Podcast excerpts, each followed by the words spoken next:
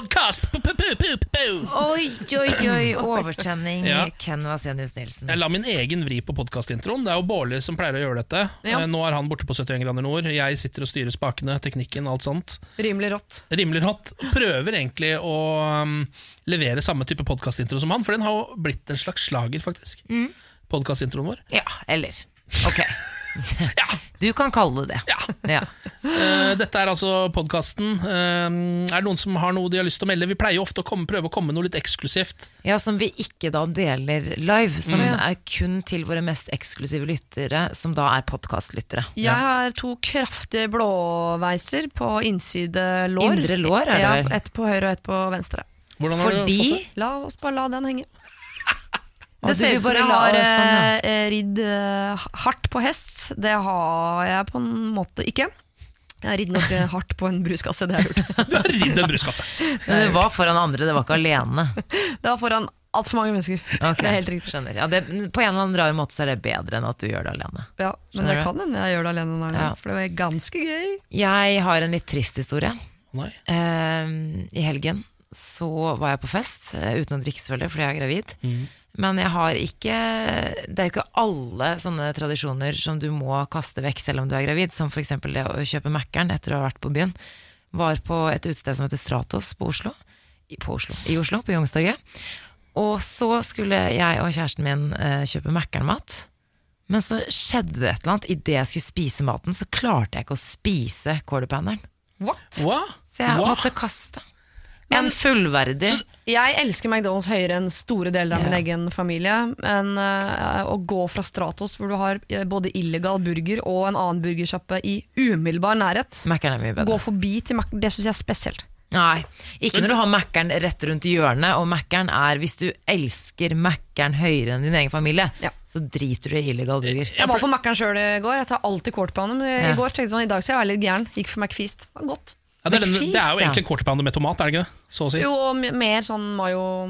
Ja. Ja. Mer mayo. Jeg håper at dette var eksklusivt eh, nok for deg. Altså Det vil jeg si at du har kasta en quarterpounder. Det er jo helt, Hva er det som skjer med Ja, deg? men Er er ikke det forferdelig? Og så sa Emil, kjæresten ville ha min, det? sa sånn Men du, det går fint som at vi kom hjem, da, så hadde vi hadde takeaway.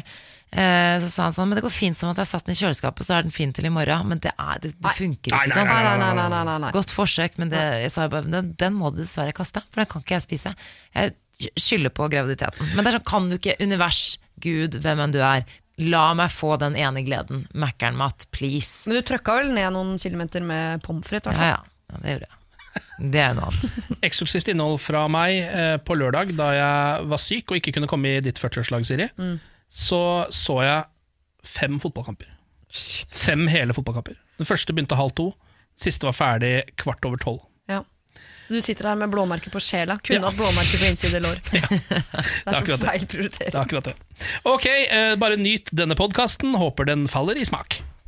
Morgen på Radio 1. God morgen! Klokka er eh, fem minutter over eh, seks. Jeg heter Ken Vasenius Nilsen. Jeg har jo med meg Samantha Skogran som vanlig. Hei. God morgen, Samantha. God morgen. Og så er Siri Kristiansen på plass også på morgenen. God morgen, Siri. God morgen. Hun ler, hun bare.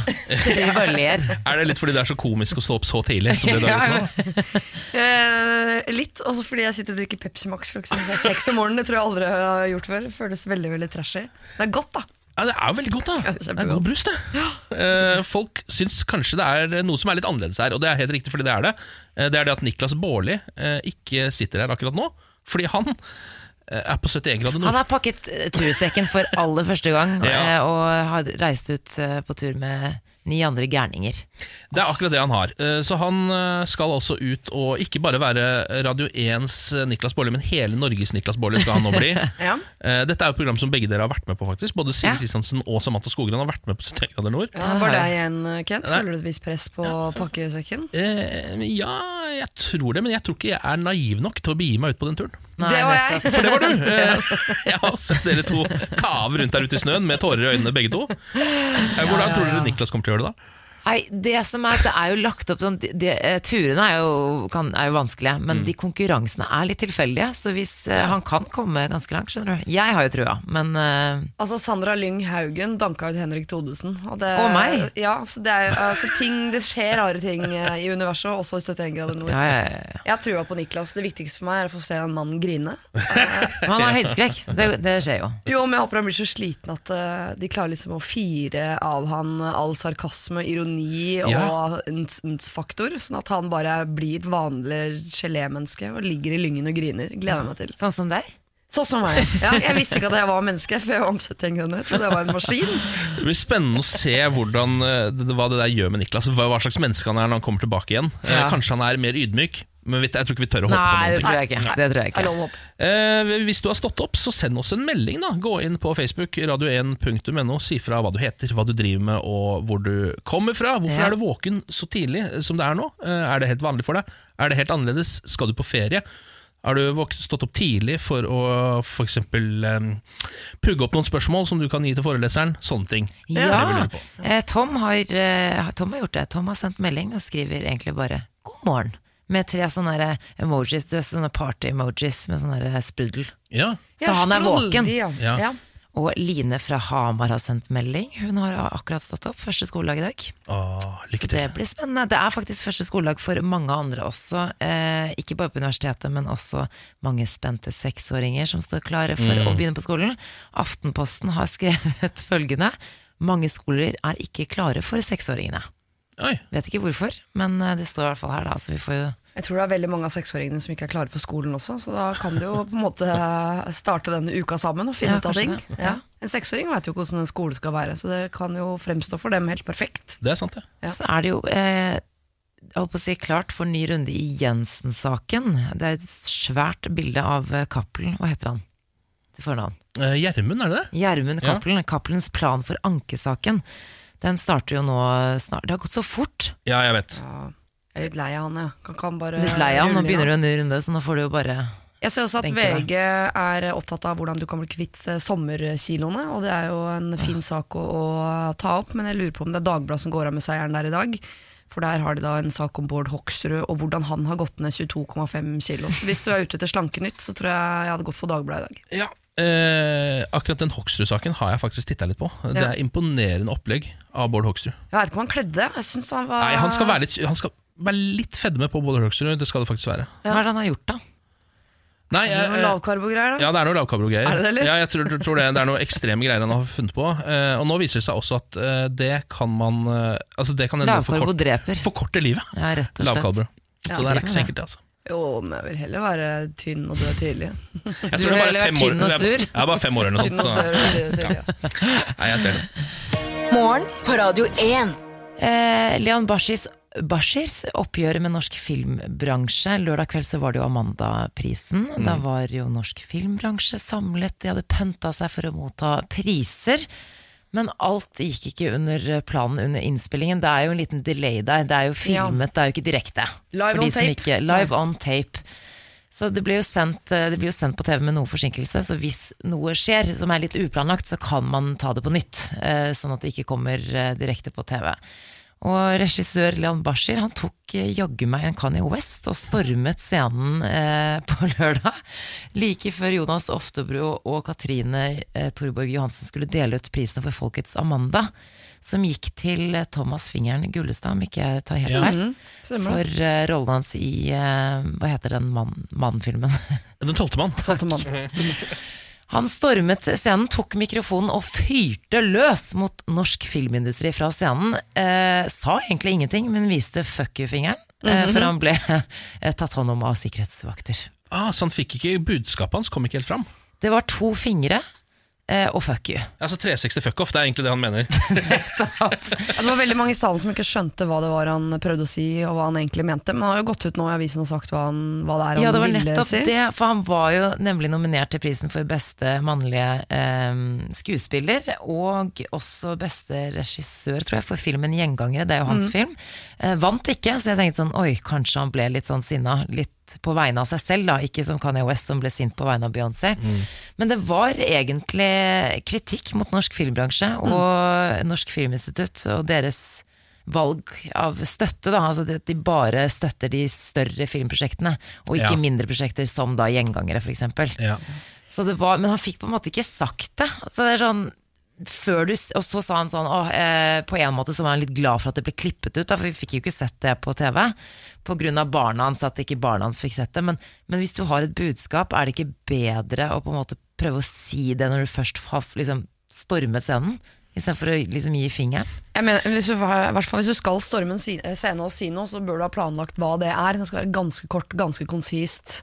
Ja. Og det skal ha eh, på en måte, det, det skal høre hjemme, liksom. Det skal ikke bare være Ja. Jeg bare tenker, Da skal du ta hull på en byll som er noe som alle har følt på. For sånn. Personlig agg, det tenker jeg at eh, jeg, for- jeg skjønner behovet. At det hadde vært deilig nå bare foran folk å få sagt fram 'dette er jeg sur for'. Ja. Uh, men det satt en hel sal der som var sånn medium på gjenkjennelse, liksom. De Ja. var ikke helt enige, det var i hvert fall mitt inntrykk. Og så var det hun Iram Haq, eh, hennes film 'Hva vil folk si'. Den vant jo, det var jo den, på en måte den store prisvinneren på lørdag. Ja. Og det mener han på en måte er eh, feighet at den vant så mange priser, for den historien har blitt fortalt før. Mens hans film, da, den går litt Altså, den er litt uh, mer kreativ. Alle filmer real. har blitt vist før. Altså, ja. Alt, er, har alt er laget før, og alt er sagt før. Alt er sagt. Man må bare gjøre det bedre enn det det er gjort før.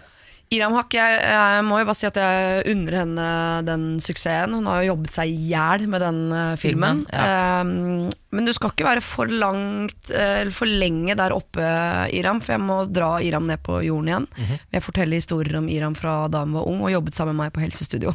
Hæ? Er det sant? Iram Haq og jeg jobbet på et helsestudio på Skaus plass i Oslo.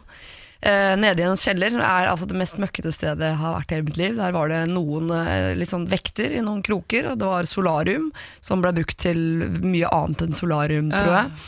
Eh, og der sto jeg og, og Iram og byttet på å gå rundt og, og tørke litt av apparater og stå i resepsjonen og sånn, men det var eh, to oppgaver Iram Haq ville se seg frabedt å gjøre, det var helt greit, jeg syntes det var bitte grann gøy. Og det ene var å, å vaske av solariumene mellom, eh, fordi man visste aldri helt om det var svette, blod eller er tårer. Ja, ikke sant? Den tok jeg på min kappe, jeg er ikke så eh, redd for bakterier. Så da, og dessuten så Iram Hakk mye bedre ut til meg i resepsjonen, for hun er jo helt utrolig, hun er så vakker Ja, at du har lyst til å lage dukker av henne på rommet. Eh, og den andre oppgaven var at man måtte inn i dusjene en gang i timen var det det, for å gå over gulvet eh, og nale over gulvet og fjerne liksom hår fra sluk og sånn. Og da Vil ikke jeg- si at du syns det er helt ok pluss pluss. Jo, for her kommer det som gjorde at det var OK pluss pluss, for det eh, betyr at jeg skulle ikke bare inn i jentegarderoben, men også guttegarderoben. så en gang i timen så måtte jeg knakke på døren og si sånn 'Jente i garderoben!' Du, gikk, du, du banket ikke, du gikk rett inn og sa 'jente i garderoben' mens du stirret. Og etter hvert ble folk så vant til at jeg var ute og inn i den guttegarderoben med nalen min for å uh, altså, sope opp lange, sorte, krøllete hår som klagget til sluket og gjorde at det ikke ble fri flyt av vann og såpe.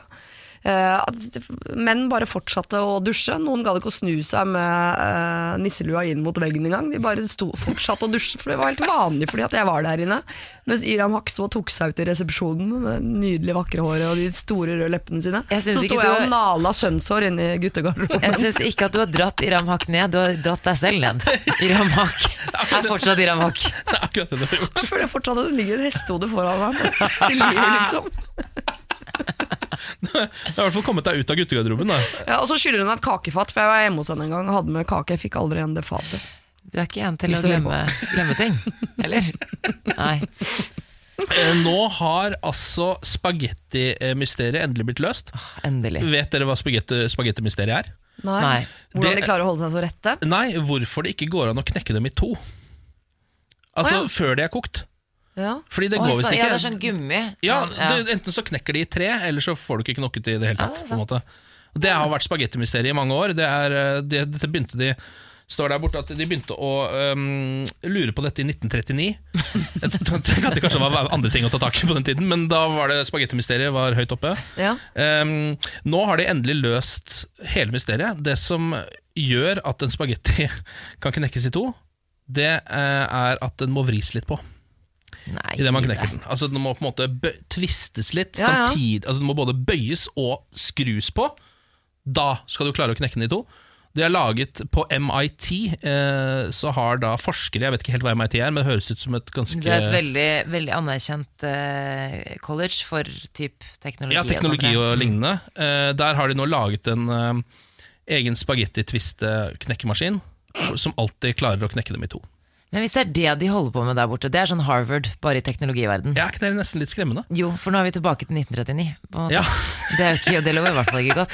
Nei, og Det er jo flere ting som tyder på det, at vi er eh, i 1999. Så det er jo ikke bra i det hele tatt. Jeg kan skjønne på et nachspiel-aktig at man er litt nysgjerrig på hvorfor man ikke får knekt spagetti, men at du tar med deg det over i liksom, hverdagen og setter av gode 7,5 timer om dagen til å forske på det der i et eh, anerkjent forskermiljø, det syns jeg er eh, Altså Jeg ble skuffet på vegne av nasjonen over at det er det man Det er mye annet vi må finne ut av. Ja, men disse tingene, Sånne type saker dukker det opp flere og flere av. Så det er jo et eller annet med at vi har runda forskning. Ja. Eh, de har runda den viktige forskningen, så nå er det bare tulleforskningen som er igjen. Ja. Eh, og det er jo fortsatt eh, masse forskere. Fordi vi er på en måte som menneskehet enige om at vi må ha flest mulig forskere, men vi har ikke tenkt på at det er ikke så mye å forske på lenger. Ja, men tenk deg Når du sitter der da, som dekan eller hva du er på dette universitet, universitetet, så kommer studentene opp en etter en og sier sånn Nei, i år tenkte jeg at jeg skulle, og så kommer de med dette. liksom Jo, men vi snakket jo litt om Torbjørn Røe Isaksen, næringsministeren, var jo på besøk her på fredag, snakket om den store forskningsbløffen, som jeg tenkte å snakke litt mer om senere, for det er faktisk oh, ja. helt sinnssykt. Vi gi bare to ord så folk vet sånn cirka hva vi skal gå til. Det er rett og slett at uh, forskere, altså at det store forlag tar seg betalt for at uh, sånn tulleartikler blir uh, publisert og brukt som forskning. Jeg er naiv nok, så det er livsfarlig. Ja, Det blir det mer om, eh, snart. Dette er morgen på Radio 1. Eh, Niklas har stikket en tur på reality-innspilling. Eh, 71 grader nord, så Siri Kristiansen skal være vikar fram til han blir sparka ut derfra igjen. da Vi er Ja. ikke overrasket over det. Reality og Niklas henger jo litt sammen, gjør det ikke det? Jo, det gjør jo det. Eh, han har jo, jeg tror han har gleda seg veldig til å kunne bli rikskjendis. Eh, og nå tror jeg han begynner, nå begynner han å nærme seg. Altså. Ja. Nå er den oppe og Det er lukter. Ikke bare statskanal, sånn, nå er det liksom Nå er det Det er folkekanalene, på en måte. Altså, Nå er det ordentlig der ute, da. Tenk det. Mobilkonkurranse på hjemmebane, digital dominans. Mange sliter jo med å legge fra seg mobilen. Spesielt da på hjemmebane. Eh, Og jeg og kjæresten min Emil, vi har en litt intern, eh, vi har en intern konkurranse. eh, Eller krangel, om du vil, gående hjemme angående det med mobilbruk. Jeg mener jo at han bruker mobilen mest. Altså, når vi sitter i sofaen, så sitter han med den opp i trynet. Hele tiden, mener jeg. Han mener at vi er like ille. Han mener ikke at jeg er verre enn han, men han mener at vi er like ille. Ja. Men jeg tar meg selv ofte i å se bort på han. Altså jeg tenker sånn øh, Jeg tenker at jeg har rett, fordi jeg ser jo oftere bort på han mens han sitter med mobilen, og da har ikke jeg mobilen i hånda. Så jeg mener jo at jeg har rett. Hvordan finne ut av det her når det bare er oss to i, i heimen? Eh, har funnet en app nå som jeg tenkte å bruke, som heter Moment. Som da viser, eh, måler da, i hovedsak skjermtid og pickups, altså hvor mye du sitter med mobilen. Å, og så skal vi finne ut av det, fordi ja, jeg må innrømme at jeg er ikke den beste heller. Altså, jeg sitter jo mye i mobil, jeg tar den opp veldig mye. Jeg tror ikke jeg sitter så mye uh, lenge på den, men jeg sjekker jo Instagram og Facebook og sånne ting ganske ofte. Ja. Og så har jeg også sånn varsel på Snapchat eksempel, så jeg får jo opp hver gang noen har sendt meg en, en snap. Og da er pleier jeg faktisk å Da sjekker jeg jo én og én, på en måte. Ja, Du sjekker de, du tar ikke liksom et, et rush på det et, Nei. en gang i timen? Nei, eller noe? jeg gjør ikke det. Og spesielt om vi er ferdig så tidlig her, så er det sånn midt på dagen, så bare ja, hvorfor ikke? Jeg har jo ingenting annet å gjøre. Eh, skal legge bort varslene tenkte jeg, eller bare skru de av. Men eh, jeg har begynt nå, i hvert fall på kveldene, og bare nå legger jeg vekk mobilen. Altså jeg legger den på kjøkkenet eller på soverommet, sånn at den ikke ligger foran meg. For da er jeg ganske flink. Da kan jeg være uten mobilen i flere timer. Ja. Mens Emil derimot, jeg beklager Emil, men jeg, han har den alltid i nærheten. ja. Og så spiller han enten golf eller sjakk eller et eller annet som, på, som han har på appen, eller så bare sitter han og surfer, på en måte. Men tror du, men hadde For det, det som uh, gamer, uh, selverklært gamer selv, sitter og spiller PlayStation litt for ofte, så lurer jeg på Hadde du syntes det vært bedre hvis han gjorde det? Hva da? Gaming? Altså faktisk spilte et ordentlig spill? Eller For han sitter og spiller spill på telefonen sin, som er litt sånn skjult gaming, som de kaller det. Ja. Åh, jeg hadde gått inn i full sexnekt hjemme hvis eh, typen min begynte med gaming. Ja, jeg synes Det er bedre at han skjuler det litt og sitter på telefonen åtte timer per dag og Ja. spiller på et dårligere spill. Ja. Ja, ja, Det er men det ja, men det er mer den der eh, mengden. Jeg hadde ikke hatt noe problem hvis han på en måte brukte en time eller to, men jeg syns ikke man skal sitte tre, fire, fem, seks, syv, åtte timer på en måte og game. Da Nei. kan han heller si sånn, du nå skal jeg bare game litt, så bare, ok greit, så lar jeg det være, istedenfor at han sitter og så ser jeg at han surfer og gjør masse andre ting. Hvis jeg hadde kommet hjem en dag og lokføreren satt i sofaen litt sånn breiband med spillkonsoll og sånn uh, det heter det du har i henda? Ja, La oss kalle det en kontroller, da. En kontroller og med sånn uh, headset med Ja, med mikrofon ja, på sånn. Det, Britney Spears-bøyle på. jeg hadde ikke giddet å si fra at jeg flytta ut engang. Tinga mine hadde ikke vært der dagen etterpå. Jeg hadde, vært, hadde jeg fått skrumptiss asap, alle de greiene der. Men eh, lykke til med det, Samantha. Og du skal da prøve å på en måte jobbe ned mobilbruken ved å øh, begynne å bruke en app. Det stemmer. Det hvis du, hvis du betaler litt ekstra penger, øh, la deg ikke lure da, egentlig, men så kan du øh, bli med på sånn bootcamp for å venne av deg mobil, sånn intens mobilbruk. Da. Kan hende det må til. Men det er veldig fint at du tar tak nå før du får uh, babys. Fordi da blir det flere i familien som reagerer på at mamma og pappa alltid er på mobilen og ikke er til stede Ja, nok til å kunne gi kjærlighet. skriker, og vi sitter bare der med mobilen. Ikke bra. Dere, eh, vi må jo feire bitte lite grann, for i går så er det et veldig viktig menneske i dette landet som hadde bursdag. Ikke meg. Mette-Marit. Nei, det er Mette-Marit. Hadde bursdag i går, du! Du bursdag i går, du? Gratulerer med Samme dagen! dag som Mette-Marit. Ja. Gratulerer med dagen. Gratulerer med dagen. Tusen takk. Nei, nå vil jeg bare snakke om det. Hvordan var bursdagen? Men du har jo gratulert meg, så du har jo ingenting å være flau over. Ja, det, ja, når du sier det, husker Ken, det derimot. Jeg har ikke gratulert deg, så jeg har litt Gratulerer meg nå, da. Ja, jeg gjorde det nå, ja. Men du, frykt ikke, jeg fikk donuts av deg og alle andre i den redaksjonen her på fredag. Ah, det er så bra at det er noen som tar tar vare på meg. Mm. Ja, ja, ja, ja.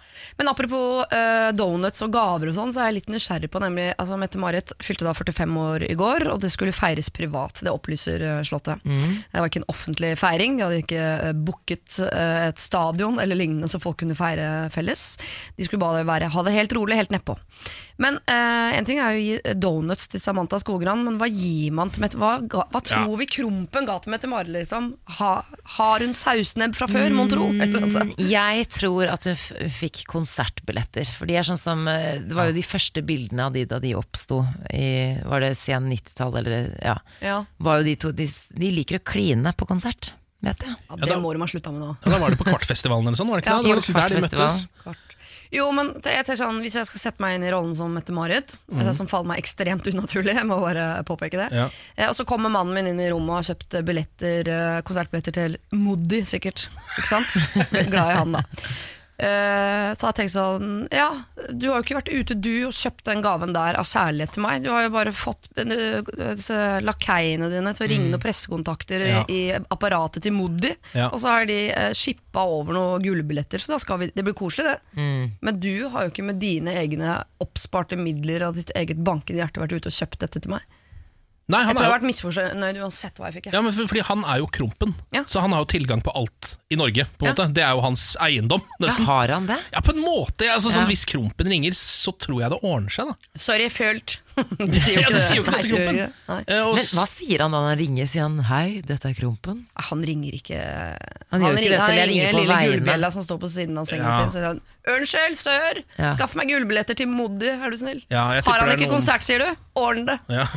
Sett opp en Moddi, da! Intimkonsert asap her i morgen. Det er litt trist å tenke på, egentlig, men jeg tipper han fikk konsertbillett. Altså, jeg, tror, jeg tror de er eh, relativt jordnære. Re så godt det går Ja. an når du er kronprins Ja. og kronprinsesse. Jeg tipper de er på linje med Kurt Nilsen. Ja. Gitarhytte. Ja, at de er litt sånn eh, altså, De har mista like- litt bakkekontakten, for det er mye som skjer, liksom. Og verden er snudd på hodet osv. Men det er fortsatt liksom Det har noen sånne rørleggere i bånn. Omtrent like jordnære som Kurt Nilsen. Ja. Ja, det tror jeg. Det er jo ikke så halvgærent, det, da. Men tenk deg det, å, ha en, som oppgave å kjøpe altså, bursdagspresang til en prinsesse. Ja. Ja, Det er ikke, det er er ikke så lett. lett. Det er ikke Det enkelt. hadde har jeg satt på CV-en. Altså. Morgen på Radio 1. Hverdager fra seks. Hva er det du driver med på morgenkvisten? Det lurer vi på. Send oss en melding på Facebook, da vel. Radio1.no. Her i studio sitter jeg, Ken, eh, sammen med Siri Kristiansen, som er vikar for Niklas, som har tatt seg en tur på 71 grader nord. Eh, og Samantha Skogran, eh, god morgen til begge to. God, God morgen. Eh, har dere hørt om The Spinner, som kom ut i april i år? Ja, den leken. Nei, nei ja, ja, du tenker på sånn fidget spinner? Ja. nei, det er ikke en sånn. Å. Eh, dette her er The Spinner, som er um Dette er litt spesielt. Det er Rolling Stones magasin som skriver om dette. her det er, Musikkmagasinet. ja, Musikkmagasinet. Mm. men dette handler ikke om musikk i det hele tatt, så jeg vet ikke helt hvorfor de skriver om det. Men sånn er det nå. Eh, dette er noe som noen sexterapister har gått sammen terapeuter, heter det på norsk, har gått sammen uh, og laget et um, et system som gjør at hvis f.eks. Uh, jeg hadde vært sammen med deg, da, Siri Ja, la oss si det. la oss bare si at jeg er lokføreren akkurat nå. Ja. Og så syns jeg at det er litt lite hanky and panky i hverdagen. mm -hmm. kan så, så kan jeg da ringe til The Spinner, og så sier jeg du, uh, dette er telefonnummer, mailadresse, alt til min uh, utkårede. Mhm. Det er litt lite hanky and panky akkurat nå. Kan ikke dere ta tak i dette? Så vil da The Spinner sende deg eh, subli, sånn små, subtile beskjeder på mail, SMS osv. som gjør at du skal bli eh, veldig, veldig, veldig kåt. oh, ja. Er det altså lydbeskjeder, eller kan det være reklame? Ja, det er små reklamer som du liksom ikke skal forstå at handler Ja. om dette, men som da eh, ved hjelp av små beskjeder inn i hjernen din, så vil du til slutt skjønne at 'jeg har jo lyst på sex', det er jo det jeg har lyst på. Men hvordan skal de vite hva jeg tenner på? De kan jo sende meg 300 bilder av Jon Arne Riise, så viser det seg at det er ikke min kopp med te, liksom. Det er helt riktig. Eh, altså det, det de gjør, er hvis det på en måte eh, sendes liksom, saker Ja. som skal eh, trigge ditt emosjonelle register, men hvor det kanskje også eh, ligger en liten eh, link hvor det står noe med sex nederst til venstre. Oh, ja. Så det bare kommer litt sånn Litt sånn som i filmen Fight Club. Ja. Hvor, uh, hvor de er veldig opptatt av at no, på kino så kan man legge inn sånne sm bitte små bilder som bare varer i ett nanosekund av en penis, f.eks. Mm. Og hjernen vil få det med seg, men du vil ikke helt skjønne at du har fått med det. Så du, Du går bare bare ut derfra. Du bare tenker Du penis, kan penis, også penis, bare penis. vise reklame for Fight Club, altså Brad Pitt i den filmen, Ja, så er ja. det nok. Ja, det er sant. Ja, Eh, filmen kan funke. Ja. Men jeg skjønner hvorfor de skriver om The Rolling Stones Magazine. De skriver jo antageligvis om sex, drugs and rock'n'roll. Ja, det er Ikke sant? det er det der, vet du. Men jeg lurer på, kan mannen også oppgi Kan jo også oppgi noen interesser, da? Fordi mest sannsynlig så har han jo noen Ja. knep og noen triks om, om dama, og omvendt, da. Ja, jeg vil tro det. Eh, Det står her at eh, det er en som sier at han eh, har prøvd eh, dette her en gang med da han eh, The Basic Package eh, mot sin kone, eh, som var da 180 f- ulike sånne typer beskjeder over en tremånedersperiode. Ja. Funka som gjerne. Ville du følt deg lurt, Siri, hvis lokføreren hadde gjort noe sånt nå? Uh, ja, jeg hadde følt meg lurt, ja, men jeg liker jo det. For jeg mener Hvis du klarer å lure folk, så er du smart, og allerede der så tenner jeg lite grann. Så jeg hadde jo Ja. på en måte tent på konseptet, først og fremst. Ja. Mer enn kanskje bildene. Så jeg tror Om ikke vi hadde ligget mer sammen i den tremånedersperioden, så tror jeg det han hadde avslørt bløffen, da hadde altså, ryket på en eh, god runde der, for å si det sånn. Men jeg lurer på jeg skal melde på meg sjøl. Jeg syns det hørtes gøy ut. Jeg, bare, jeg, jeg, jeg lurer på hva jeg får kanskje jeg skal Jeg bare melder på begge dere. Ja, Så ser vi jeg bare hvordan, så ser vi bare hvordan det går. Ja. Ja. Vet ikke om det er så vanskelig den andre veien. Da, Nei, det, det, det blir bare 60 dollar fra min lomme, så er det i gang. Okay, så ja. dette skal, det skal vi teste ut sammen. En investering i våres eh, forhold. En litt rar investering i våre Tusen forhold, men vi får se hvordan det går. Men er det gøy eller slemt hvis vi også melder på deg all den tid du er singel og mye hjemme og spiller TV-spill? Jeg vil si det er snilt. Det er ikke det snilt? Det er bra det, Kenny. TV 2-programleder spydde på direkten. Ja. Vi må nesten snakke litt om det her. Det er ikke meningen å være slem eller ta det opp igjen når det er på en måte noe så, så naturlig og unaturlig som skjedde på TV. Men programleder i God sommer Norge, Linn Vik, eh, kom med ei lita gladnyhet på direkten, men eh, ikke helt som hun hadde eh, planlagt, kan man si. Hun hadde eh, rett og slett tenkt å dele med verden at hun er eh, gravid, eh, men fikk ikke sagt ordene. Men det kom noe ut av munnen hennes likevel. Eh, Hør på det klippet her. Så måtte jeg liksom bare falle ned på Hva skjedde nå? Hva skjedde? Beklager. Kan jeg få litt papir? Stakkars. Altså Foran henne i sofaen satt da eh, VGTV-profil Vegard Harm og blogger eh, Funkygine, Jørgine Vastrand. Eh, det, det- det så faktisk ikke så ille ut, for du ser jo egentlig ingenting. Du bare hører på en måte at hun gulper litt, og så hun reiser seg opp fra stolen, og så bare lener hun seg litt over på en måte Vegard sin høyre. Ja, hvorfor går hun mot menneskene for å spy? Det for, jeg forstår ikke Det er utrolig dårlig reaksjonsmønster. Ja. Jeg tror hun, hun, hun tenker at kameraene er på venstre side. Gjestene sitter rett foran henne. Så hun, hun tenkte at øh, ok, til høyre for sofaen. Bort fra kamera. Bort fra kamera, Mm. bak sofaen. Der kan jeg kaste opp litt. Men hun rakk bare ikke helt bort. Og så, eh, etter hun spydde litt, så satte hun seg og sa hun Jeg er gravid, skjønner du. Men det så, da jeg så klippet første gang, tenkte jeg det her er staged. Det her er sånn ha-ha, nå skal på en måte TV 2 få noen eh, klikk. Ja. At det skal bli en klikkvinner. Men, men du skjønner jo når du har sett klippet et par ganger, så skjønner du at det ikke er eh, ja. For det virker ikke helt ekte. Jeg altså reagerte på det samme Ja. fordi jeg, jeg kan ikke fatte hvordan det går an å kaste opp så lite. Altså, Ja. for Hvis du først spyr, på en måte Ja. Eh, For en liten gulp kan man jo bare eh, svelge igjen. Det skal dere være klar over. det går veldig fint. Jeg anbefaler ikke, men det Smaker går ikke an. kjempegodt, men, Nei, det, men det er mulig å gjøre det. Men jeg tror egentlig Jo, men det er sånn Du vet når bare ting Det bare kommer veldig fort opp Samme som når du har tatt tatt litt brus eller et eller annet sånt Og så bare kommer det rett opp Men jeg må bare si Linn Vik Det går helt fint Altså jeg som gravid Jeg fikk bare sånn enorm sympati Jeg satt jo i den sofaen Akkurat en uke Før jeg tenkte det kunne faktisk ha vært Kunne meg faktisk Ja. bokstavelig talt ha vært deg, det der. Men, kan ikke du spare det til radio? Det er kjempekoselig for oss med en liten spontan Jo, men jeg hadde en gulp. Jeg hadde en gulp forrige helg Å ja, men du svelga det? Nei, ja, altså, vi skulle spille en liten promo, så kom det en liten gulp. Så hadde ikke vi tid til å ta den på nytt, for å si det sånn. Altså, den er med. Ting skjer på direkten, det går helt fint. Linn Vik og jeg lever i beste velgående. Det er veldig deilig. Åh, eh, vil dere ha en sak fra meg om? Mm. Eh, eller skal jeg kan spare det, altså. Ja, vil du Jeg er spare god det? til, Jeg skal være her til klokka ti. jeg. Ja, ok, Du kan godt gjøre det hvis du vil. Ja, jeg gjør det. Ok. vil du bare si, jeg bare si litt hva det handler om, så, så folk ikke skrur skrur. Britisk kvinne reddet akkurat et kyssvask... eh, Hva heter det? Hun har ramla ut av en båt. Jeg snakket om det. Ok. Eh, Direkte radio, det her. Morgen på Radio 1. Hverdager fra Vi har fått en melding fra Marianne. Hun starter morgenen sin eh, i Bodø. Hei på dere. Hører på dere mens jeg nyter morgenkaffen. Ønsker dere en nydelig dag. Er ikke det hyggelig? Det er veldig, veldig hyggelig. Så fortsett å sende oss meldinger på innboksen vår radio1.no, enten på Facebook eller Instagram. Jeg følger med. Men prøv når du lager deg, du skal lage deg en kopp kaffe til, uh, og sette på kaffen ordentlig. Jeg har jo akkurat oversvømt studio her i eh, kokende kaffe. Ja, og For jeg har ikke satt du på plass kolben ordentlig. ja, Eller var det fordi du hadde den proppen oppe på Mokamasteren, tror jeg? Så det bare Ja, jeg skjøv den ikke inn i sporet sitt. Ja, det var det det var. ja. På mange måter Så det fikk jeg en liten vaskejobb Som jeg skal fortsette på utover dagen Men jeg lovte dere å snakke om eh, denne kvinnen som har falt over bord På et cruiseskip Eh, En 46 år gammel kvinne Som har da vært ombord på cruiseskipet Norwegian Star Ja. Og så har hun da Jeg forstår ikke hvordan det er mulig å falle ut av et cruiseskip Unnskyld, før du fortsetter. Lever hun? Så jeg må bare vite om jeg Ja, kan le eller ikke. ja, du. Kan ok. le masse. Eh, og det er jo andre gang i år at dette skjer. Forrige gang var det en annen kvinne som falt over bord, også fra et norskeid cruiseskip, tror jeg, og lå i vann i 22 timer før hun ble plukket opp. Eh, denne kvinnen, eh, britisk, eh, slapp unna med bare små ti timer. Ti timer I flytende vannet? I vannet, ja. Før hun ble plukket Å, opp av kroatisk eh, kystvakt eller et eller annet. Men, eh, og det er mye her jeg lurer på. For det første, De får med seg at kvinnen faller over bord, men bruker ti timer på å finne henne. Jeg vet at havet er stort, men altså, disse cruiseskipene de er jo, det er jo i svømmetempo de beveger seg bortover. på en måte.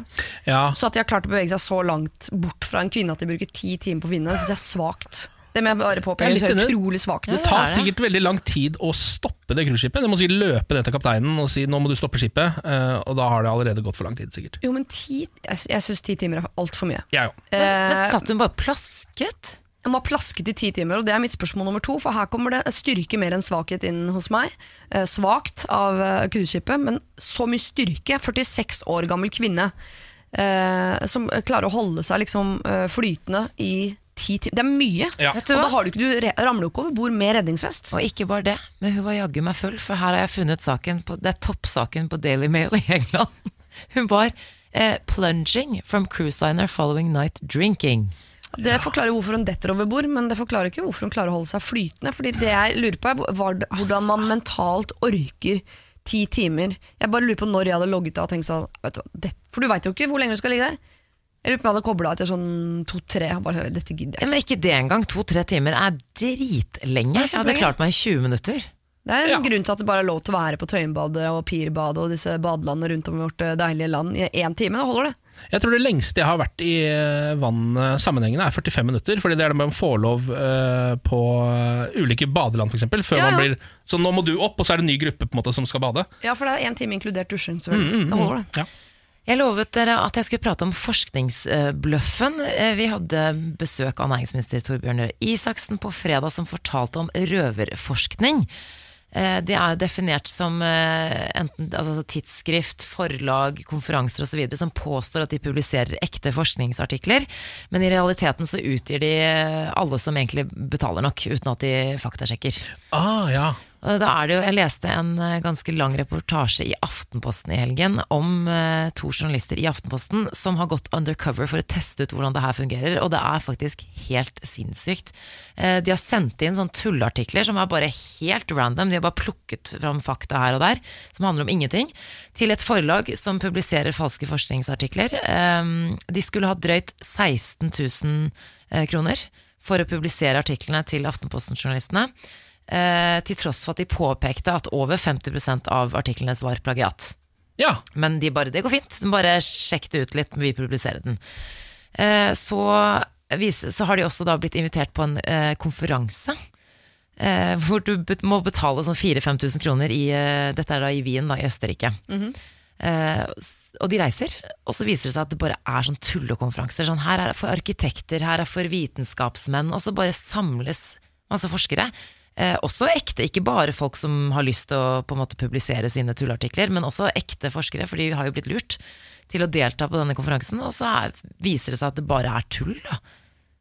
Det, det høres helt sykt ut, men, men eh, det her er på en måte blitt større og større. Eh, Det er eh, over 400 000 forskere som har fått publisert sine artikler i ulike forlag. Det er sånn snakk om tre-fire store forlag som driver med det her, men også andre aktører. Da. Og jeg bare synes det er så sykt, for det her blir jo, på en måte, her blir jo et problem når folk faktisk baserer ja. Eh, sånn som Torbjørn Røe Isaksen, da, som Ja. næringsminister, sa vi bruker jo, vi viser jo til fakta og forskning, altså forskning hele tiden. Så hvis det her faktisk kommer såpass langt at vi bruker, så er jo på en måte Det blir jo forvirring på hva som er fakta Ja, eller ja, ikke. Det ser jo ekte ut. Det er altså da en eh, slags evolusjon fra fake news, og nå er det også fake facts Ja, eh, som de igjen skal basere seg på. Nettopp. Så nå kan man jo ikke tro på noen ting lenger. Og de tjener jo, altså etablerte forhold tjener jo milliardbeløp på å spre forskernes tull. Men jeg kjenner at eh, jeg blir veldig misunnelig på de Dagbladet-journalistene som har fått lov til å gå undercover. Fordi det har, Aftenposten, ja. ja. Aftenposten var det, for det har alltid vært min drøm. Eh, Ja. Da jeg begynte på journalistskolen, så trodde jeg det var mye mer undercover-ting. Ja. Eh, Wallraffing, som de kalte det. Som er da oppkalt etter en tysk fyr eller noe som het Gunther Valraff, Som pleide å kle seg ut og gå ut og fucke opp ting eh, for folk. Eller altså da på en måte finne ut av ting, da. Men når du eh, drømmer om å gå undercover, så er det jo fordi man har lyst til å gå inn i sånn knark- og horemiljø. Ikke fordi Ja, man ja, har lyst til å, å surre rundt opp på Blindern med hornbriller og tweedjakke, liksom. Godt poeng. Godt, godt poeng. Morgen på Radio 1. Og eh, det er jo en litt annen eh, oppsetning i dette programmet enn vanlig. Eh, Jeg heter Ken Vasenius Nilsen, jeg pleier å være her. Det er jo det samme med deg, Samantha. Men Siri Kristiansen, du er jo med fordi Niklas Baarli har bestemt seg for å være med på 71 grader nord. ja. Eh, Noe vi er ganske spent på, eh, og det er vel han også sjøl, tror jeg.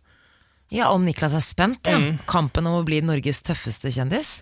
Ja, For det er det som egentlig er eh, taglinen på den konkurransen. Ja. Altså, vår egen Niklas Baarli, eh, hele Norges Niklas Baarli, skal Ja. være med eh, Eller han stakk til skogs, egentlig. Det kan vi vel si. Han skal jo bo ute i skauen. I eh, ja, jeg vet ikke hvor mange Jeg vet ikke hvor lenge han holder ut. Eh, Han skal klatre fjell, han skal spise realturmat. Det er ikke måte på. Jeg har en teori om at knærne hans ryker tidlig. Fordi, jo, men hvis, jeg har sett mye 71 grader nord, både, altså, alle varianter av 71 grader nord siden start. Altså, jeg blir i godt humør av den musikken til 71 grader nord. Jeg har en dyp kjærlighet for programmet. Ja. Eh, men det som skjer med sånn uh, småovervektig radiohumorfjotter som er med i dette programmet Som det alltid er én av hver gang. Hvert eneste år Ja. er det med. Neste år er det deg, Ken. Ja. uh, og knæra ryker. Knæra til uh, Skau her uh, røyk. Knæra til Gunhild Dahlberg røyk. Knæra til Svein uh, Charter-Svein røyk. Han er jo ikke noe radioprofil, Nei, men, men du skjønner greia tullegutt, Samme ja. opplegget, liksom. Og knæra mine hadde også sikkert ryket hvis jeg hadde vært her lenge nok. Ja. Jeg tenkte, kan ikke bare ta en Jeg tenkte på, eh, holdt på å si, roll, rollelisten. Ja. Eh, Iman Meskini fra Skam. Hun har jeg så For å ikke Jeg har trua på Niklas, men hun har jeg så sykt eh, trua på. Vært et Tror år i militæret, ganske- Ja, nettopp. Og så har du jo eh, Mini Jacobsen, Mia Gundersen, Guro Fostervold, Thomas Alsgaard, Josef Hadaoui. Ola Conny Valgren, Silje Norendal og Vita Mashadi. Her er det mye kulturfolk. Eh, apropos Ola Conny. Ja, for vanligvis er det Jeg har sett på uh, oppsettet. Det er vanligvis fem fra sportsbransjen og Mm. fem fra kulturbransjen. Men det de ofte gjør, er at i hvert fall tre av de fra kulturbransjen også er veldig sporty folk, og så er det to idioter som skal ryke tidlig. Det ligger liksom i korta. Men i år må jeg innrømme at ikke idioter som i, i uh, Men altså sånn fjellidioter. Har ikke Ja, ja, ja, egne støvler, liksom. Men i år syns jeg alle de fem fra kulturbransjen det er ikke fjellfolk, noen av dem. liksom Bortsett fra Iman, der har jeg eh, litt fra, fordi hun har vært et år i militæret. Så ikke at hun har bygd seg noen muskler Men de andre fire Altså Det er ikke godt å vite hvem som ryker først. Nei. Det kan være Kanskje alle røsker ut i første program. Ja. Men jeg tok meg en prat med Niklas eh, før han skulle av gårde på fredag. Vi kan jo høre hva han hadde å si. Ja, kjære Niklas Baarli. var formelt dette var, da. Ja, men, ja, men du er jo tydeligvis ikke en del av programmet. Det stemmer det. Noen har gått videre i livet Hva og meldt seg på reality-TV. Det har skjedd. Det har skjedd. Jeg hadde jo lyst til å være med i Skal vi danse. Det fikk jeg ikke lov til. Vi prøvde så godt vi kunne, Ja. men de ville ikke ha det. De ringte meg og så sa hun Hei, det er Marianne fra Skal vi danse. Du er dessverre ikke med, sa hun.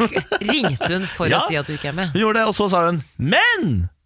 Men, sa hun. Har du lyst til å være med i 71 grader nord? og da sa jeg ja, det har jeg. Skal du være med på et reality-program som dreier seg om friluft? Ja, jeg ble jo spurt for noen måneder siden, og da tenkte jeg sånn Hvor god form klarer man å bli på to måneder? Ganske god form, sa forskjellige personlige trenere og sånn. Så tenkte jeg sånn, ja men faen, hvis jeg bare sier ja nå, så kjører jeg på, trener masse og sånn, så er jeg i god form til 71 grader nord, så blir det sikkert gøy, det. Har du god trent? opplevelse. Jeg har hatt én joggetur på 20 minutter, og så har jeg hatt én skogstur eh, på én mil, hvor jeg fikk eh, såpass gnagesår at jeg ikke har kunnet gå etterpå. Niklas, hva er det du har tenkt? Jeg har ikke tenkt. Det er problemet. Okay. Altså, det, dette, er ikke, dette er katastrofe. Eh, dette går jo på mandag. Lørdag gikk liksom bilen fra Oslo nedover til Lindesnes. Og da skal jeg være med Altså, jeg skal være med Thomas Alsgaard. Han er eh, monobrow-duden som har trent i hele sitt liv. Han var skiløper, ja. Ja. Ja, Og så skal jeg sammen med Silje, eh, Silje Siri Norendal. ja snowboardproffen. Ja. hun er kul, da. Og hun der Guro Fostervoll. Eh, ja, Guro Tvetten, ja. Tvetten, ja. Het Fostervoll før, si.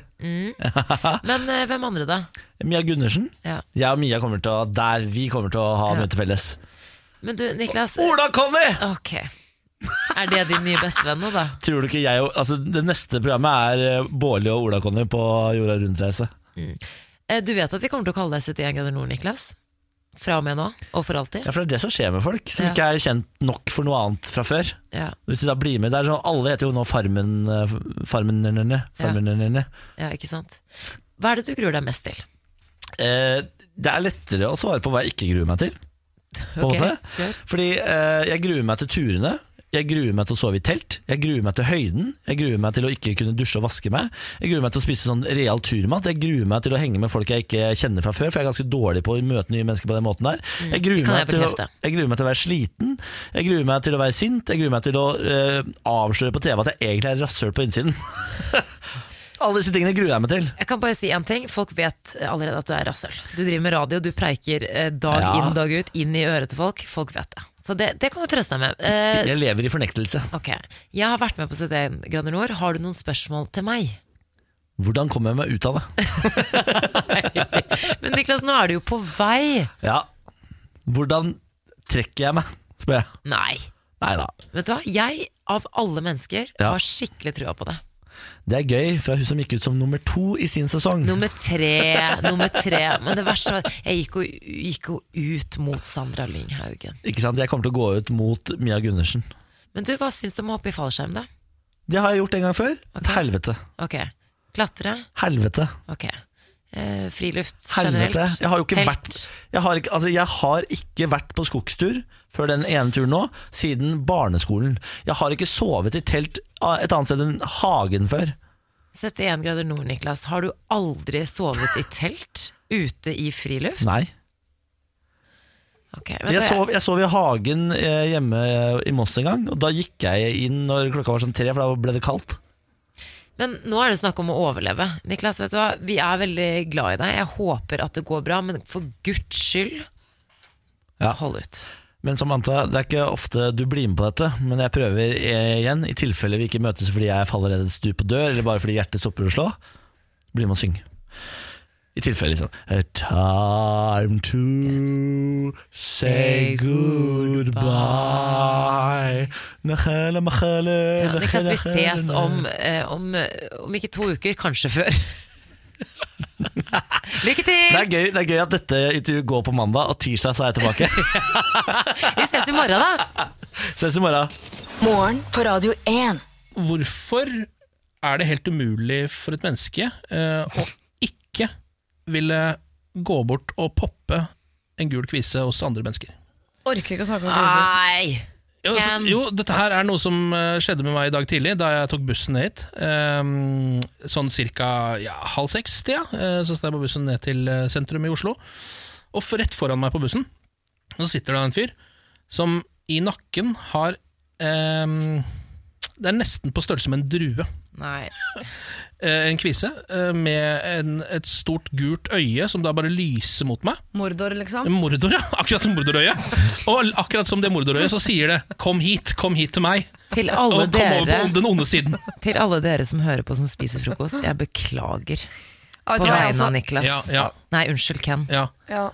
Jeg beklager på vegne av Niklas òg, ja. men eh, For det er faktisk noe av det ekle. Jeg kan, eh, jeg kan vaske utedo med, eh, uten hansker. Altså, det er veldig få ting i verden jeg syns er ekkelt. Jeg, Akkurat kviser, det Ja, men merker jeg at jeg Noen elsker det. ja, men jeg også syns det er ekkelt, men det er Men får du lyst til å ta på den, da? jeg, jeg, jeg vil at den ikke skal, ikke skal være så gul. Altså Jeg vil ikke at den skal lyse mot meg. til. Jeg vil hjelpe til. Det er litt som bobleplast også, da. At det er litt gøy eller som om, Det er nesten umulig å ikke liksom uh, kaste fingra borti det. ja. Er du en av de som syns det er tilfredsstillende å se på videoer av Nei, eh, nei. kviseklemming Nei, på ikke i det hele tatt. Og det jeg, av, øh, altså jeg avslutter vennskap på Facebook med alle som gjør det, Fordi jeg får det jo også hvis du for eksempel begynner å se på det.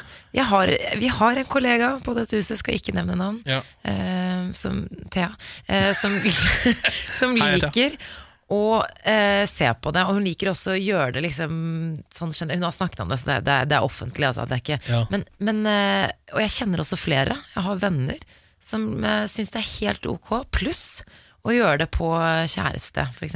Ja, vet du hva, jeg, jeg- tror faktisk sånn åpenlys eh, fising kommer til å slippe inn i mitt eh, parforhold Før før, klemming av hverandres For det mener jeg Det skal man ikke drive med. Jeg, jeg er litt enig, jeg vil heller ikke være i et forhold hvor man gjør det. Men jeg mener at ethvert menneske har et slags samfunnsansvar. Som før du setter deg på bussen, så pass på at ikke du har Men han, han ser jo ikke nakken. Han har jo ikke øyne i nakken. Men det Nei, høres det- ut som den her hadde du- egen puls, liksom. Ja, den hadde egen puls. Ja. Altså, den, hadde, den hadde sitt eget solsystem, denne. Eh, så Ascendanten i månen, ja, han Såkalt den hadde sin egen måne. To måneder hadde den. Den var såpass kraftig, og en sånn ring rundt. Ja. Eh, Navn? Ja. Dåpsattest? ja. Shit. Eh, og jeg måtte, altså, da jeg kom på jobb, så måtte jeg, det første jeg gjorde, da, var å selv bare gå inn på toalettet og håpe at jeg selv hadde en kvise rundt. For hvis jeg da hadde kunnet poppa den, så hadde Terapi. det på en måte vært terapeutisk. da Og tatt over for det. Skjønner. Eh, aldri snakk om det igjen, er du snill. Nei. Det skal jeg ikke gjøre. Nei. Det skal jeg Si love ifra, ikke. i hvert fall, på Ja, forhånd. det skal jeg love ikke. En ting jeg har lyst til å snakke om, er eh, egentlig at dette er mitt behov for å hjelpe andre mennesker. Så vi er jo litt like der, Ken. Og jeg vil gjerne hjelpe Samantha, fordi eh, du har jo baby i magen, Samantha. Ja. Eh, og den babyen skal ut på et eller annet tidspunkt. Oh, jeg, Det er jeg, det har nettopp gått opp for meg. Ja. Det er helt stressende. Det er litt vanskelig faktisk for mennesker å begripe her at det er, eh, dette mennesket skal eksistere blant oss på et eller annet tidspunkt. Ja. Det, det er en overgang, skal jeg Ja, det, fortelle men det er en litt hyggelig greie. Det er bare med at den skal gjennom kanalen, som, som, Ja. som er det mest skumle jeg har uh, opplevd i Og- mitt hode. Vet du hva du må gjøre da? Da må du dra rundt uh, Bare dra på kjøpesentre og sånn rundt om i Norge. Og så, uh, det er, dette er litt slemt, det jeg skal si nå. Advarsel der. Og så må du se folk som du tenker sånn De folka der får vel ikke til noe ikke jeg får til. Ja, okay. Og så, så ser du at de har barn, så tenker du hun, hun dama der borte! Ja, hun som står der borte. Hun har fødet. Da skal søren meg jeg klare det. Ja. Det er veldig eh, terapeutisk og fint. Men jeg tenkte siden du nå har tilgang på meg i eh, alt fra to dager til tre-fire uker, eh, om det er noe du lurer på altså, av det å bli mor? At du er så raus, for du vil dele din kunnskap. Jeg har ikke så mye skills, men jeg har en del erfaring. Åh, men dette her er jo luksus. Jeg, jeg har så mange spørsmål, Siri, så det her må vi, jeg lurer faktisk på om vi gjenta det her nesten hver dag. I hvert fall så lenge du er her. Ja, ja. Vet jo aldri når Niklas kommer tilbake. Ikke spør han om noe mammatips. Det- Det jeg er veldig opptatt av om dagen, er ting man gjerne skulle visst eh, mens man var gravid, altså før man fikk barn. eh, som, man ikke, som man gjerne skulle visst før, da, på en måte. Som en mental som- prepping, liksom? Nettopp. Ja. Ja. Eh, ting man egentlig bare kan vite hvis du har eh, født et barn. Og det kan jo du mye om, du har jo to barn, Siri. Hva, liksom, hvis du kan nevne to ting som du gjerne skulle visst Før. Ja, da eh, vil jeg nevne instinkter. Altså, jeg vet det er veldig mange som er glad i å lese veldig mye eh, før man får barn. Eh, det dreiv ikke jeg så mye med. Jeg tenkte at det, der, det skulle gå seg til.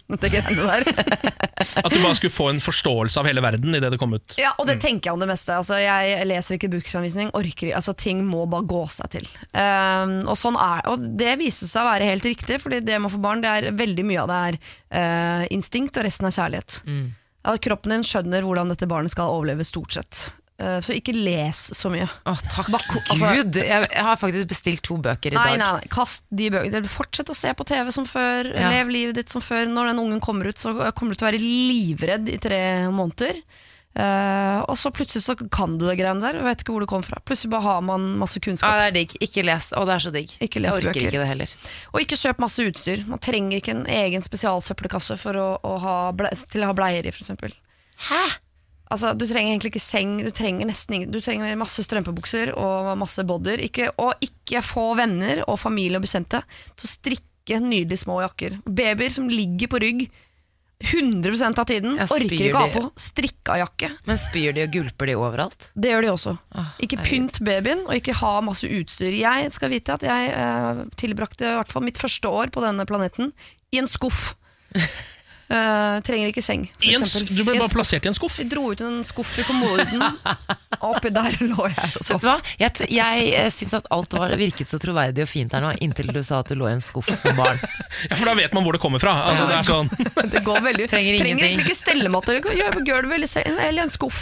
Det er veldig mye utstyr. Du trenger egentlig ikke å gi barnet mat engang. Sånn som jeg var låst inne i en kjeller jeg, i de tre første årene i mitt liv, og det gikk jo kjempefint. Jeg bodde som en ulveflokk i jungelen de første tolv årene av mitt liv. Men jeg vet tusen takk for tipset, Siri. Setter pris på det. Det er meget gode tips. Morgen på Radio 1. Hareide vil ha boost i fødselstallene. Eh, Det er snakk om eh, Knut Arild, altså. Knut Arild Hareide. I fjor ble det født 56 000 barn i Norge. Dette gir da et fruktbarhetstall på 1,62 barn per kvinne. Det er det laveste som er målt i Norge noen gang. Samtidig er det jo stadig flere som venter med å få barn. Eh, Og midt eh, i en liten KrF-storm, det har jo vært eh, litt ja, det har vært litt bråk der i det siste etter at et partimedlem valgte å vie et lesbisk par. Ja. Eh, ikke som eh, Ikke på jobb, men som privatperson så har det vært litt problem fordi Knut eh, Arild Hareide ikke har klart å eh, ja, egentlig si hvor han står i den saken. Så KrF sliter litt på målingene, så nå skal de eh, ut og på en måte få frem kampsakene sine. Da. Og dette er jo en av de. Eh, KrF er bekymret over lave fødselstall, og vil da tilrettelegge for at flere skal lage barn. Um, Er det KrF som skal gjøre det? det er KrF som skal gjøre det. Kun KrF. Hva slags tilrettelegging er det de har tenkt å gå for? Står Nei, det? er det. Altså, Hareide mener jo da at vi har skapt et samfunn med for mye press, eh, noe som bidrar til at kanskje mange flere venter med å få barn. For eksempel det med å være student og ha, få barn samtidig, det er egentlig eh, Det er jo ikke ønskelig. Det er i hvert fall ikke hos mange. Det er ikke så vanlig heller. Nei, det er ikke så vanlig heller. Men uh, de, de jobber på spreng nå da, for å lage en ny politikk. Men jeg tenkte sånn, kanskje vi kunne komme med litt tips til Hareide om hvordan vi skal få folk til å ville få barn. Jeg har et veldig konkret forslag. Ja. Det er ofte uh, Når man sliter med ting i samfunnet, så er buss et uh, Ikke bare ko- kollektivmessig så er buss et godt alternativ. Vi har jussbuss, vi har sprøytebuss. Blodbanken har egen buss. Vi har Ja. også biblioteksbuss som kjører rundt med bøker. Er det pøkebuss du har tenkt å foreslå nå? knullebuss. Ja. Det mener jeg vi må ha. Altså en, Som en eh, russebuss for voksne. ja, en veldig fin buss med eh, mykt interiør som kjører rundt, så folk har muligheten til å ta seg en liten eh, pause i hverdagen. Plukker opp først én partner, og så den andre. Ja, Og så må det være litt sånn hanky, hanky and panky-stemning, som Ken liker å kalle det. Ja. Eh, ingen prevensjon tilgjengelig. Abs null prevensjon! Jeg, jeg kjøper månedskort på den bussen umiddelbart. Kjempeidé! En annen god idé som det virker som om nordmenn har kastet seg over i utgangspunktet, er jo eh, mer sprit. Eh, Aperol Spritz har blitt megapopulært i dette landet i løpet av sommeren. Ja. Alle skal drikke Aperol Spritz. Jeg eh, anslår, dette er forskning, at ca. halvparten liker det. Ja, Alle drikker det. Som ikke har tatt deg et glass Aperol Spritz, så er det det du ser alle andre drikke, ja. som da er litt sånn oransje i fargen.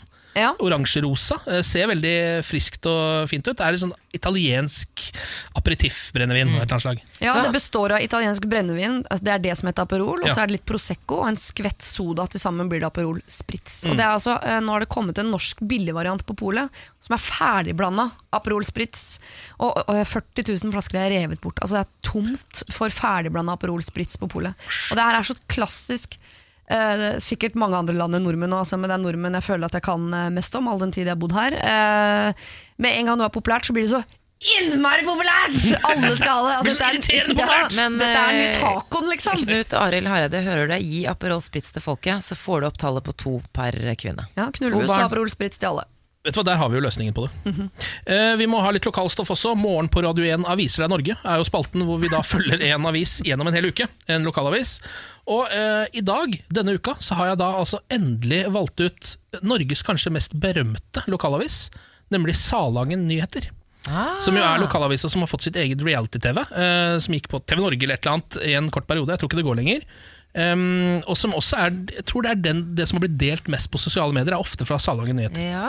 Uh, Det er jo Salangen uh, fylke som ligger i Troms, som blir dekket av denne nyheten. Og de er veldig gode på ultralokale nyheter, som jo vi er veldig glad i. I dag har vi denne saken. Handlevogn på avveie. På torsdag ble de ansatte ved Ekstra Sjøvegan møtt av et merkelig syn. En handlevogn lå duppa i vannkanten ved kaia.